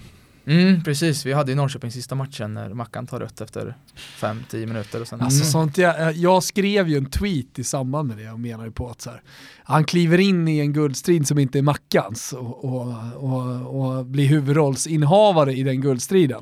För jag menar, har man spelat fotboll hela livet, du tar, du tar, en, tar en armbåge, förmodligen har han aldrig tagit en armbåge, alltså ett rött, någonsin i hela sin karriär. För mig är det supermedvetet att den, eh, att, att, att den armbågen kommer upp just där och då. Sen så, jag menar, Tror han har ett rött kort för armbåge borta mot Djurgården? i tre, tredje minuten. Nej, i och för sig inte. Nej. Men hyfsat tidigt. Nej. Nej men jag Nej, vill han ju... kommer aldrig erkänna det. Eh, Anton kommer inte säga det här heller. Men visst vill Men det man... är klart så fan man vet att han, att han går in Det var hans och tar ett present rött till kort. Janne. Det var hans present till Janne för det missade såklart. guldet med Halmstad 2004. Och så vill man ju att det ska vara. Ja, alltså jag har inget problem med det. Jag har bara konstaterat att så var det. Var det så? Nej, så var det inte. Nej, jag, jag kommer ihåg derbyn mot Helsingborg var också rätt roliga men då var de på dekis liksom så det blev aldrig något, eh, blev inte den uh, fighten riktigt utan vi, vi var lite för överlägsna då. Vem från fotbollsvärlden hade du helst velat dela en flaska vin med? Som är, eh, håller på just nu eller? Nej, det kan, alltså, det bara, kan bara man någon gång har gjort något slags avtryck i fotbollsvärlden. Ehm, då skulle jag nog vilja ta eh, Rafa Benitez faktiskt. Skulle vara jävligt intressant att gå igenom hans eh, framgång och fall om det, ja det kanske inte är fall men han är fortfarande på, på bra nivå men inte, inte där uppe. Ja, han lyfte nog inga Champions League-bucklor i vår. Nej, nej precis. Men jag såg honom igår kväll borta mot Wolves, tappade det ju fullständigt när de släppte in 1-1 i 95. Tveksam frispark Ja, där det, är alltså. för, det är förståeligt, Ja. som trä, oavsett vad man tycker om situationen. Jo, men det Om var man härligt att se att han fortfarande brinner. TV, ja absolut, att det finns glöd i ögonen, men när man sitter framför TVn eh, som neutral så kan man ju känna att ja, det är klart han kan blåsa för den där. Och sen så kan man se repriser och så kan man vrida och vända på det, men man fattar ju hans reaktion ändå. Ja. Fan jävligt svar, svagt svar med Rafa Benitez om jag får välja en i hela fotbollsvärlden. eller? Den, Det- den är ju det- touchad på discos. eh, framförallt, alltså så här, det är ju rimligare än att du svarar eh, Turkiet-Sverige, EM 2000, som din fetaste fotbollsupplevelse. Så att du går ju ändå åt rätt håll. Ja men det var min första upplevelse, det var jävligt Michael Owen häftigt. Ja, jo, men han har ju sett så mycket tv och allt möjligt. Han har ju lite sjunkit i mina ögon om jag ska, Ah, okej. ska vara ärlig. ja, mer Eh, barndomsidol där Ja, då, men, precis, ja. precis. Eh, mäktigaste numret som du har i din telefonbok? David Villa. Mm. OK eller? Ja det är ju får man säga. Mm. För Verkligen. Mm. Vera. Ja, Vera. Absolut, ja, Vera är större. Vera är större. Ja, alltså det beror på, det beror, vem, beror på vem man frågar. Alltså rent objektivt så ja, han kanske är lite större, men, men eh, David är man lite äldre så skulle man ju säkerligen Jo, välja Vera. men David Villa har ändå vunnit allting. Jag kollade upp den någon gång. det har du i Han, och för sig rätt han har liksom Vera vunnit har med både Spanien och allt. Barca. Ja men har... Ja, Vera har ingen Champions League-buckla. Nej jag tror inte heller. Han har ju Men han har EM och VM. EM-guld, han har VM-guld, han har... men det har David också. Mm. Ja, Ja, det två sant. av dem som både vunnit EM och VM. Ja du Det ser. okej. Fan. Det okej. Ja. Eh, skulle du eh, påstå att Patrik Vira är the real deal som tränare eller? Eh, Ja, jag tror han har en, eller en, han har en ljus framtid för han eh, är eh, jävligt bra på dels att utveckla spelare men sen kan han ha en sida där han är stenhård också och han gör inte skillnad på folk och folk. Eh, kommer ihåg vissa matcher där han eh, tappat det och eh, skällt, jag har aldrig varit med om något liknande liksom efter vissa matcher och det kvittar om det var jag eller om det var David Villa som hade gjort någonting. Det, han skällde inte för en missad passning så. Om man inte tog en löpning eller någonting som man snackade om innan match då, då, då fick man höra det eh, har du eh, några preferenser vad gäller tränare att de har en egen eh, spelarkarriär att peka på? Är det en faktor som du tycker spelar roll för en tränare? Nej, så länge man är insatt och förstår det. Eh, sen sen eh, tror jag att det kan vara en eh, fördel många gånger. Men eh, svårt att se att man kanske inte haft något med fotboll att göra och sen bara hoppa in som tränare. Det, det är jag svårt för. Men sen tror jag inte man måste ju inte varit på elitnivå för att bli en, den bästa tränaren i vägen, världen. Det, det har jag, finns det ju exempel på också. Men jag tror det underlättar om man varit i eh, i branschen på något sätt för att det, det fotbollsvärlden är, eh, den är speciell. Jag tänker Den- mer nu, alltså så här, Norling, eh, Stare, alltså det finns en- Mourinho, ja, Mourinho är väl ett eh, ypperligt exempel eh, utomlands. Att, Ventura. Finns några? Stora. Nej, men jargongen i ett, eh, alltså inom fotbollen i omklädningsrummet den är, ju, den är ju speciell så jag tror att det kan vara bra som ledare och eh, veta på ett ungefär hur, eh, hur det funkar. är du tatuerad? Nej. Du känns väldigt otatuerad. Ja, jag har... eh, Har du funderat på det? Aldrig. Jag har bara hört Någon grabbresa? folk. Eh, Ska vi nej, köra boys? nej, aldrig. Jag har liksom mer sett, inte sett ner på, men jag har aldrig förstått de som tatuerar sig på en på fyllan eller gör någonting sånt, det har jag aldrig förstått. På Men- foten eller något sånt. Ta 30 tatueringar under foten, det har jag aldrig förstått. Men, Nej. nej. det, Ja, det är konstigt, då är man ju en konstig människa. Aldrig slagit mig in. Snyggaste fotbollstränaren genom tiderna? Finns många. Eh, ska vi komma tillbaka till EM 2000 då eller?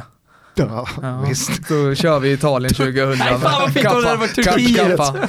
Turkiets. Nej, kappa Italien där 2000. Alltså, det är ju kontrasterna från vacker, 90-talet alltså. till de tajta liksom. Det, är- det är ju också det. Ja, de var otroligt vackra. Ja. Vilket lag de hade också. Mm. Eh, nu har du ju redan sett Sverige-Turkiet på plats EM 2000 så att eh, liksom, det, den högsta önskan är ju redan uppfylld. Men finns det någon annan match som du skulle vilja se? Ja, jag skulle gärna vilja se eh, Milan-Liverpool andra halvlek 2005 finalen där när jag, eller andra halvlek och förlängningen och straffarna som eh, vi åkte hem från. Vi hade en bortamatch och så såg vi första halvlek och sen eh, stod det 0-3 så då sket vi och åkte hem.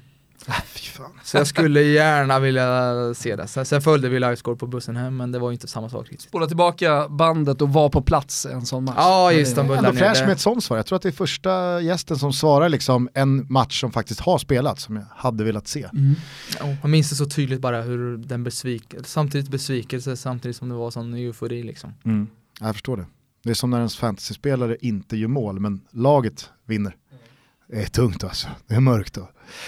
Eh, sista frågan på faktarutan. Om du inte får svara Messi eller Ronaldo, vem tycker du är världens bästa fotbollsspelare? Står ju mellan eh, Mbappé och Neymar och Cavani kanske, men eh, jag skulle nog säga Mbappé. Cavani ändå alltså. Mm. Är Fräscht, alltså jag, jag håller fan med, eh, vilken jävla nia han är. Ja, Alltså. han är rätt.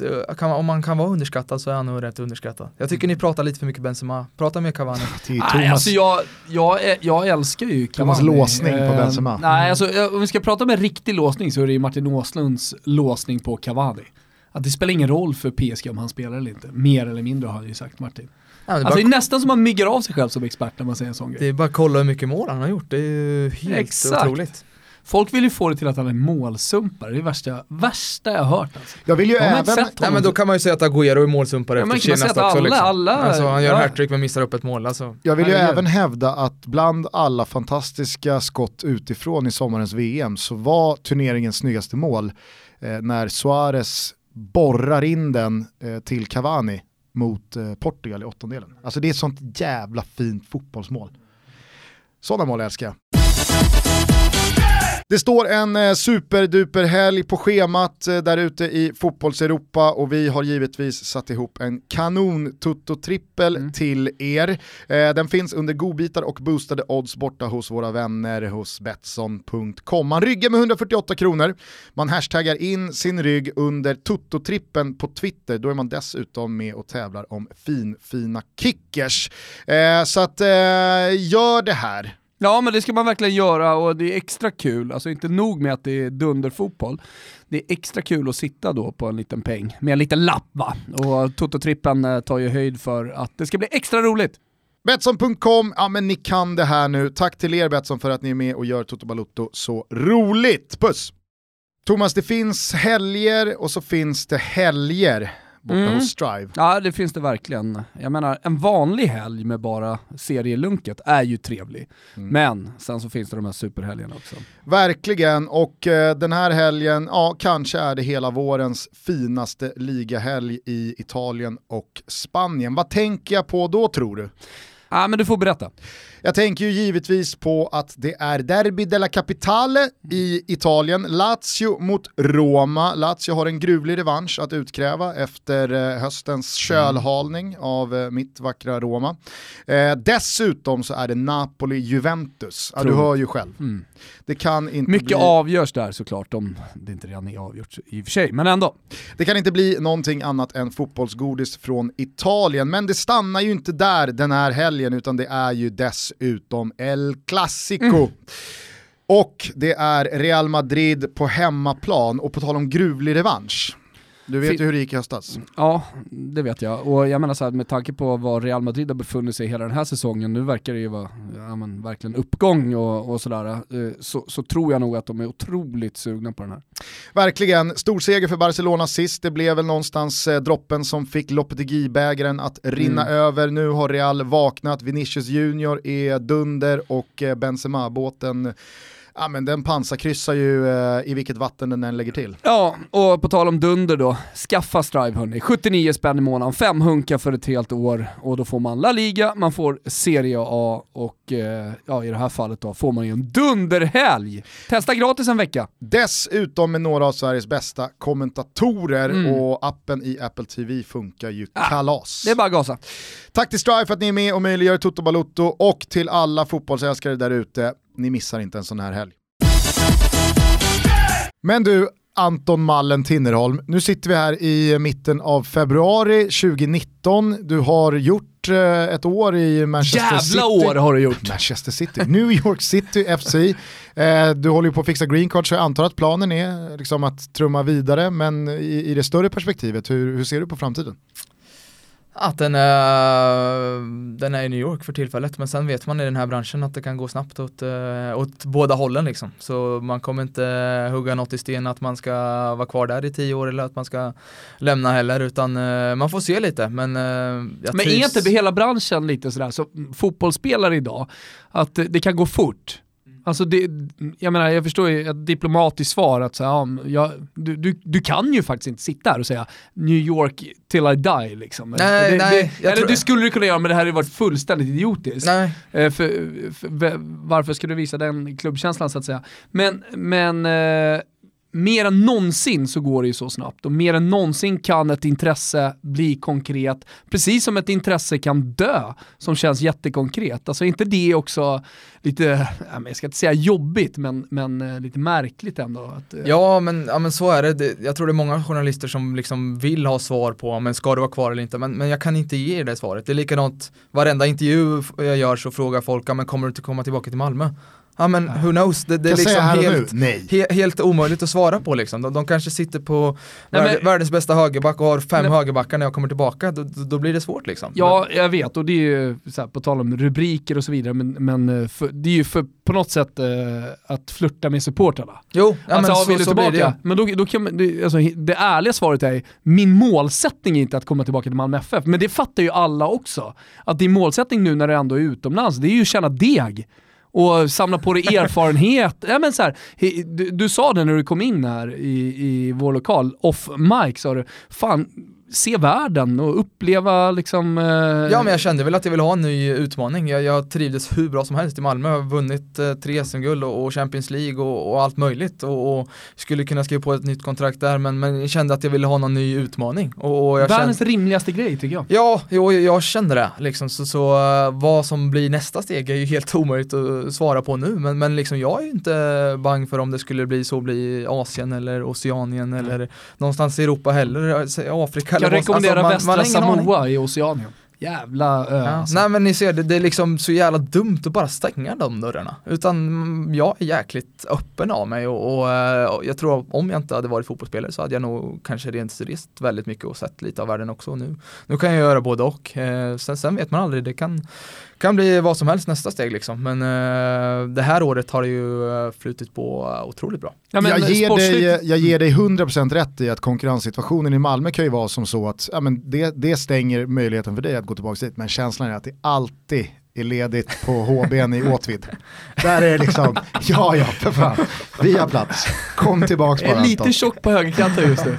ja, nej men. Forward i Åtvid. Det får man ju se. Men uh, nej, det har varit, uh, det här året har flutit på jäkligt snabbt också. Det, det liksom bara gått i ett knyst egentligen. Vi, vi, har, vi har ingen semester i, i, i MLS heller, utan under VM så, så tränar vi och spelar vi. man, man fick inte ens en, en veckas semester, utan det var bara köra på och köra på. Jag såg en Sverige-matchen mot Tyskland så såg jag inte en match till för vi tränar liksom. Helt värdelöst. Jag eh, ska villigt erkänna att eh, jag inte såg speciellt många matcher i sin helhet. Eh, du hade ju ett par otroliga mål som man dock matades med och man förstod ju att så här, vad fan, Tinnerholm går ju starkt i ett lag som ändå gick bra. Det var väl inte hela vägen fram, men hur, hur, känner du själv? Alltså var det ett år som tog dig från en nivå till en annan i form av status och aktie och respekt och så? Och, och lagmässigt, hur, hur ser du på 2019?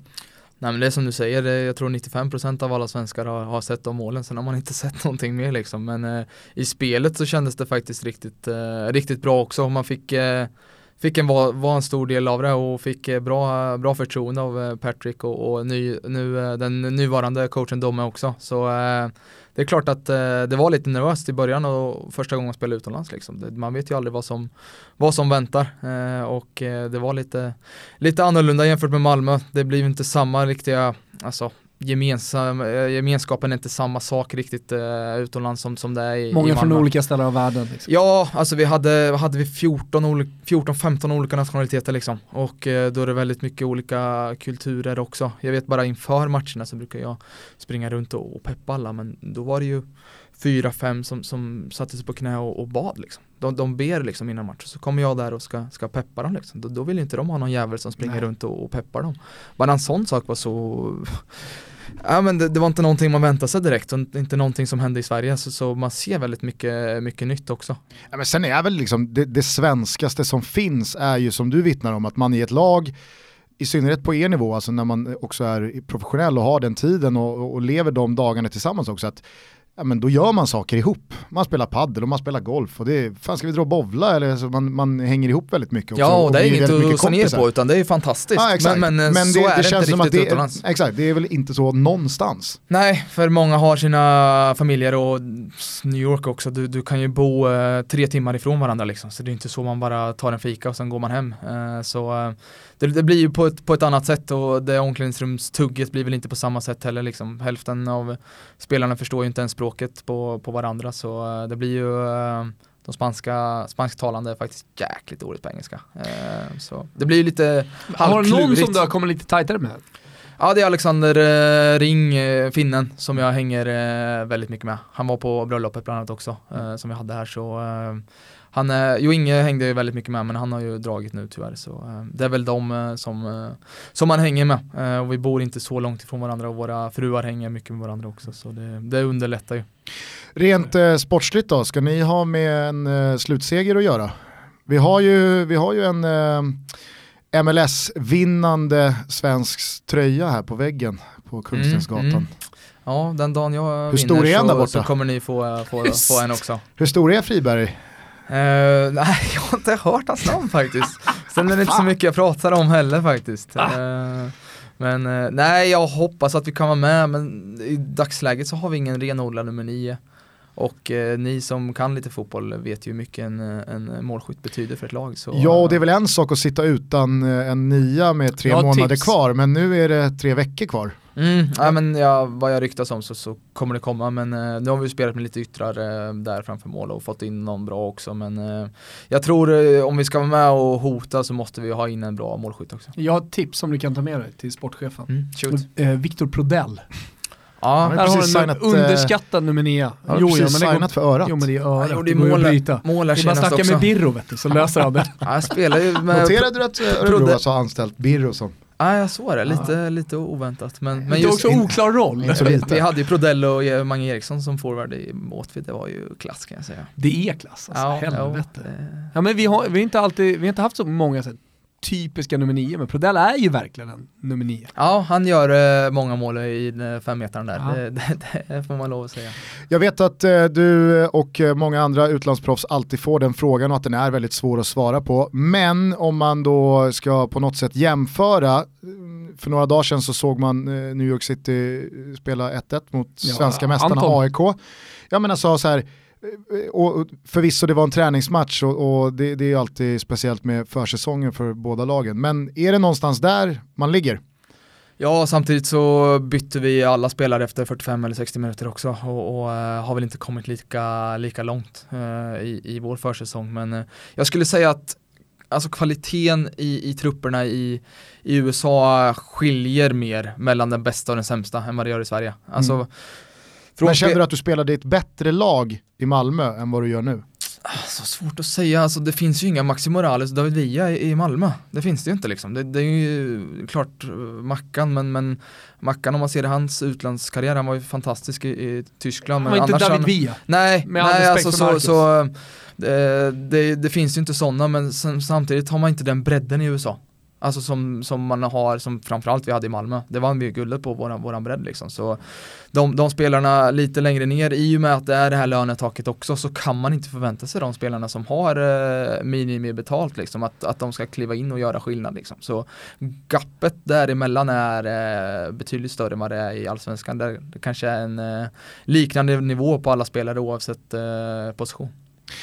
Alltså jag, jag kan tänka mig hur svårt det måste vara när man har liksom spelare som David Villa i ena änden av truppens ja, men, kvalitet och så, så, kanske man har en college-skolad eh, vänsterback som eh, tjänar 14 000 kronor i månaden och är liksom division 2 södra Ja, bra. Jag, vet, jag kollade ju Zlatans matcher eh, förra säsongen, Eh, inte bara såg de matcher som du spelar också, men, men jag tycker det blev så jävla tydligt i LA Galaxy att de hade fantastiskt anfall och det var där de hade lagt precis allt krut. Alltså, eh, de, de, de dyra spelarna, det var framåt. Och det blev så tydligt också när de spelade. De kunde göra drömmål efter drömmål, gör tre, fyra mål per match.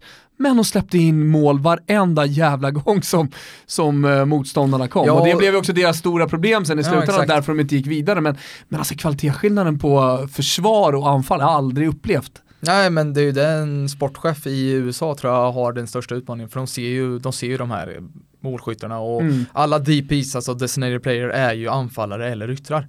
Kanske någon mittfältare men det finns ju inte en enda försvarare i ligan som är en DP. Det, det finns ju inte på kartan utan de vill man ha framåt och sen resterande pengar lägger man någonstans på, på oss eh, försvarare. Så det, det blir lite skevt på något sätt. Att du nu löser eh, ett green card och inte står som utländsk spelare, det antar jag ger dig ett bättre förhandlingsläge vid ett eventuellt, eh, ja, om man ska förlänga kontraktet. Ja, det gör det väl, och, och, men jag tror det är mer fördelar för klubben som eh, kan ta in ytterligare en, eh, en utlänning eh, och, och inte behöver, jag behöver inte belasta den kvoten. Nej, jag, ty- jag tycker att du, liksom så här, du gör en för dem, då Men får de absolut. göra en för dig. Absolut, det, Du det sitter ju och svettas ta här i mig- Stockholm och väntar på ett pass. Det är. Vem har det som agent? Martin Dahlin. Ja, okej. okej. Eh, men eh, okej, fotbollslivet leker, ska vi sammanfatta det som det eller? Eh, Alltså säsongen har inte ens börjat, så, men eh, absolut, det var en bra säsong i fjol och eh, eh, kul att komma tillbaka. Jag fan, du känns, det känns så- inte som att du saknar så jävla mycket.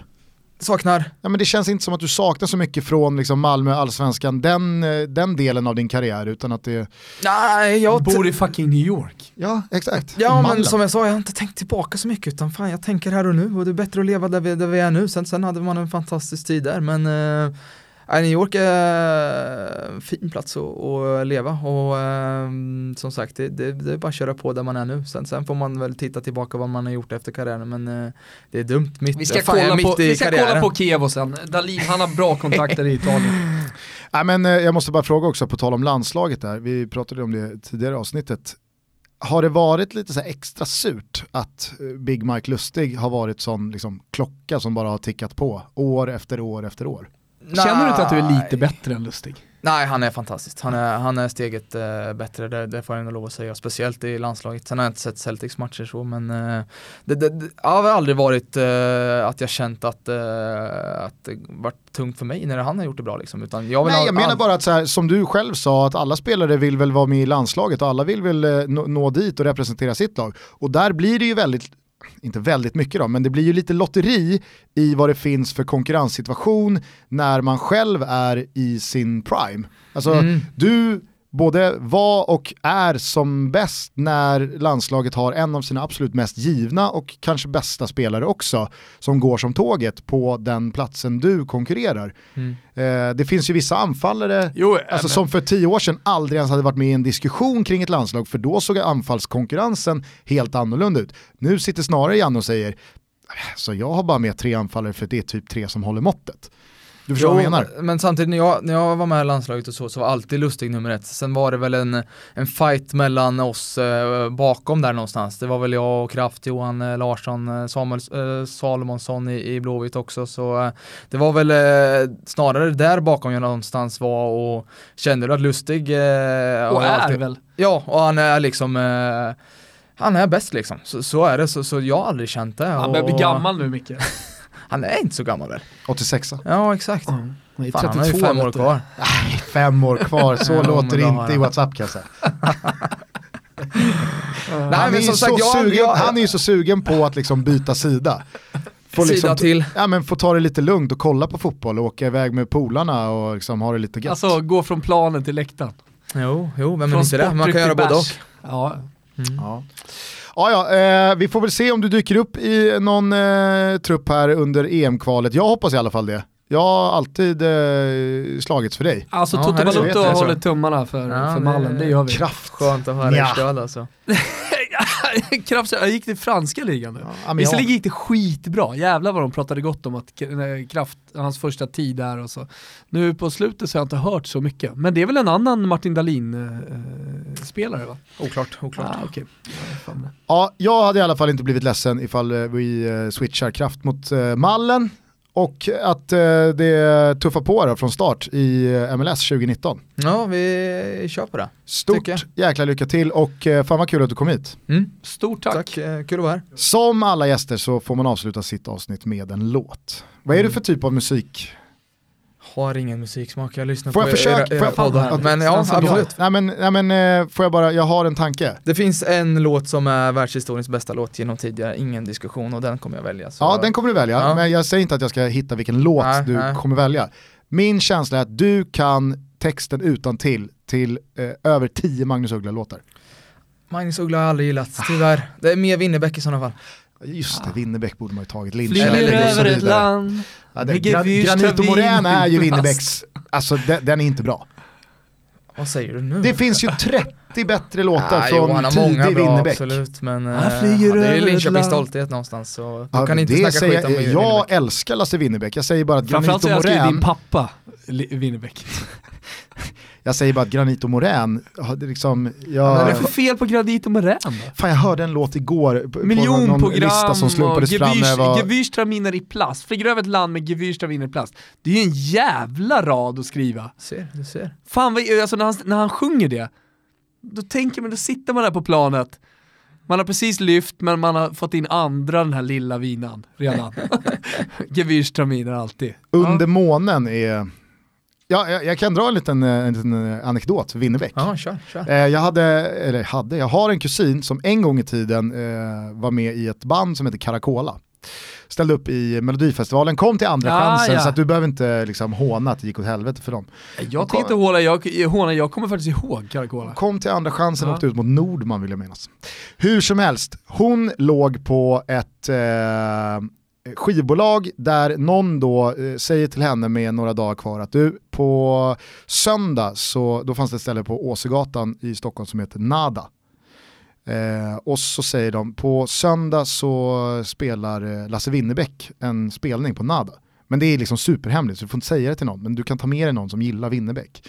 För att Nada hade då eh, open mic kvällar på söndagar där liksom, ja, men vem som helst fick ge sig på, de hade alltid några lokala som försökte. Och Winnerbäck bodde på Åsögatan, tror jag. Eller en parallellgata i alla fall. Det var hans del av Söder. Så då vet Frida, min kusin, då, att jag eh, älskar Winnerbäck och lyssnar jättemycket på Winnerbäck, så hon säger så här, du måste följa med. Eh, för att det, här, det här får du inte missa. Men säger inte vad det är som ska ske. Men samtidigt, den söndag eftermiddagen, jag vill minnas att det var Chelsea United, så det var så här, "Nej, men det, nej det går inte. Så det, jag, nej nej men du måste, det här är en once in a lifetime. Liksom. Ja, ja, okej, vi följer med, kommer in. Det är ett jättelitet ställe, så det är inte större än 30-40 kvadratmeter och så är det bara en liten, eh, en liten eh, scen uppe i ett fönster med Fyra lite, läskbackar. Ja men typ, det är fem, sex ståbord och sen så är det några instrument uppdukade och det är verkligen hur tight som helst. Och så skulle det börja vid 18 eller något sånt där. Och så ja, men vid halv sex så kliver Winnerbäck in eh, på, på stället också. Sätter sig i baren, tar en bärs och då tänker jag så här, okej, Winnerbäck är här, då, då måste det ändå vara någon riktigt bra som ska spela eftersom han är här och kollar. Och det var liksom så här, det var, det var inte, folk var inte där för spelningen eller att folk hade ställt upp sig för att snart händer det. Nej, ingen visste ju att han skulle Nej exakt, utan det var bara ytterst få som visste det. Och så, ja men fem över sex, så släcker Winnerbäck bara sin andra bärs i baren. Och så går han upp och hänger på sig gitarren. Och så kommer det några ytterligare musiker som då utgör bandet. Och ingen fattar ju någonting. Eh, och så kör han bara en dryg timme av liksom, hans största hits och requests. Och efter tio minuter så är det, ju, det är sånt kaos ute på Åsegatan. Alltså, det är bara taxibilar, för då har de som är där, liksom Winnerbäck spelar på eh, Nada. Och det här är alltså 2008, så det är ju när Winnerbäck är som absolut störst. Eh, så liksom kvart över sex, då är stället helt packat. Dörren öppnas inåt och den kommer inte in. Den, som, den sista som kommer in är Robert Pärlskog. och han står liksom och håller emot dörren för att nej, vi kan inte få in fler eh, människor här. Eh, men då spelar han eh, en, en dryg timme bara hits och det var så jävla bra och man stod liksom ja, men, två meter ifrån och det var så avslappnat och så efter varje Naket. låt så får man ju liksom eh, ropa då requests. Och då önskar jag under månen. Spelas inte. Eh, och så när spelningen är slut så går han och sätter sig i baren igen. Eh, och, och kör Då ska ju du såklart fram och Ja surra. men eh, då, råk, Ah, då råkar man ju man liksom är. hamna bredvid honom i baren Ah, när man ska göra nästa råkar. beställning. Eh, så då kommer jag fram till honom och säger jag bara så här, ah, men superbra, fan vad, det här var otroligt. Eh, och så sa jag bara, jag önskade under månen. Och då, det är- så roligt, då säger han liksom så ah, ah, under månaden, jävla, ah, men kul, bra låt. Så jag bara, ah, men eh, eh, eh, du var aldrig nära att, att höra mig säga den och köra den. Nej, den är jäkligt svår att spela på gitarr liksom, så att, och nu har han några bärs i mig så, här, så att det, det hade bara blivit fel. Och, för att vara ärlig så, jag kommer inte ihåg texten. det är ändå så fint när det är på, liksom, på den nivån att så här, här står människor och verkligen idoliserar och dyrkar honom och han själv är så jävla avslappnad i sin musik att nej, jag, jag kommer inte ihåg texten till de där låtarna. Det, eh, vad blir det för låt? Är det Brian- Winnerbäck eller? Brian Adams Summer of 69. Wow, vilken låt. Vilka, vilka svar ändå. Alltså det här är Summer of 69, det är Sverige-Turkiet, EM 2000. Vi har att göra med en 60-talist. Det är Adam Pöders bor brorsa. en liten 60-talist i eh, Anton Mallen Tinnerholm. Kimpa, rulla igång Ytterligare en Brian anledning Adams. till att han är mallen alltså. Ja, verkligen. Ja. men det här, den här låten är ju Mallen. Kan inte bli min man. Jag hoppas vi ses i New York nästa gång. Ja, det är bara att komma dit. Ciao tutti! Ciao tutti. Ciao. I got my first real six string,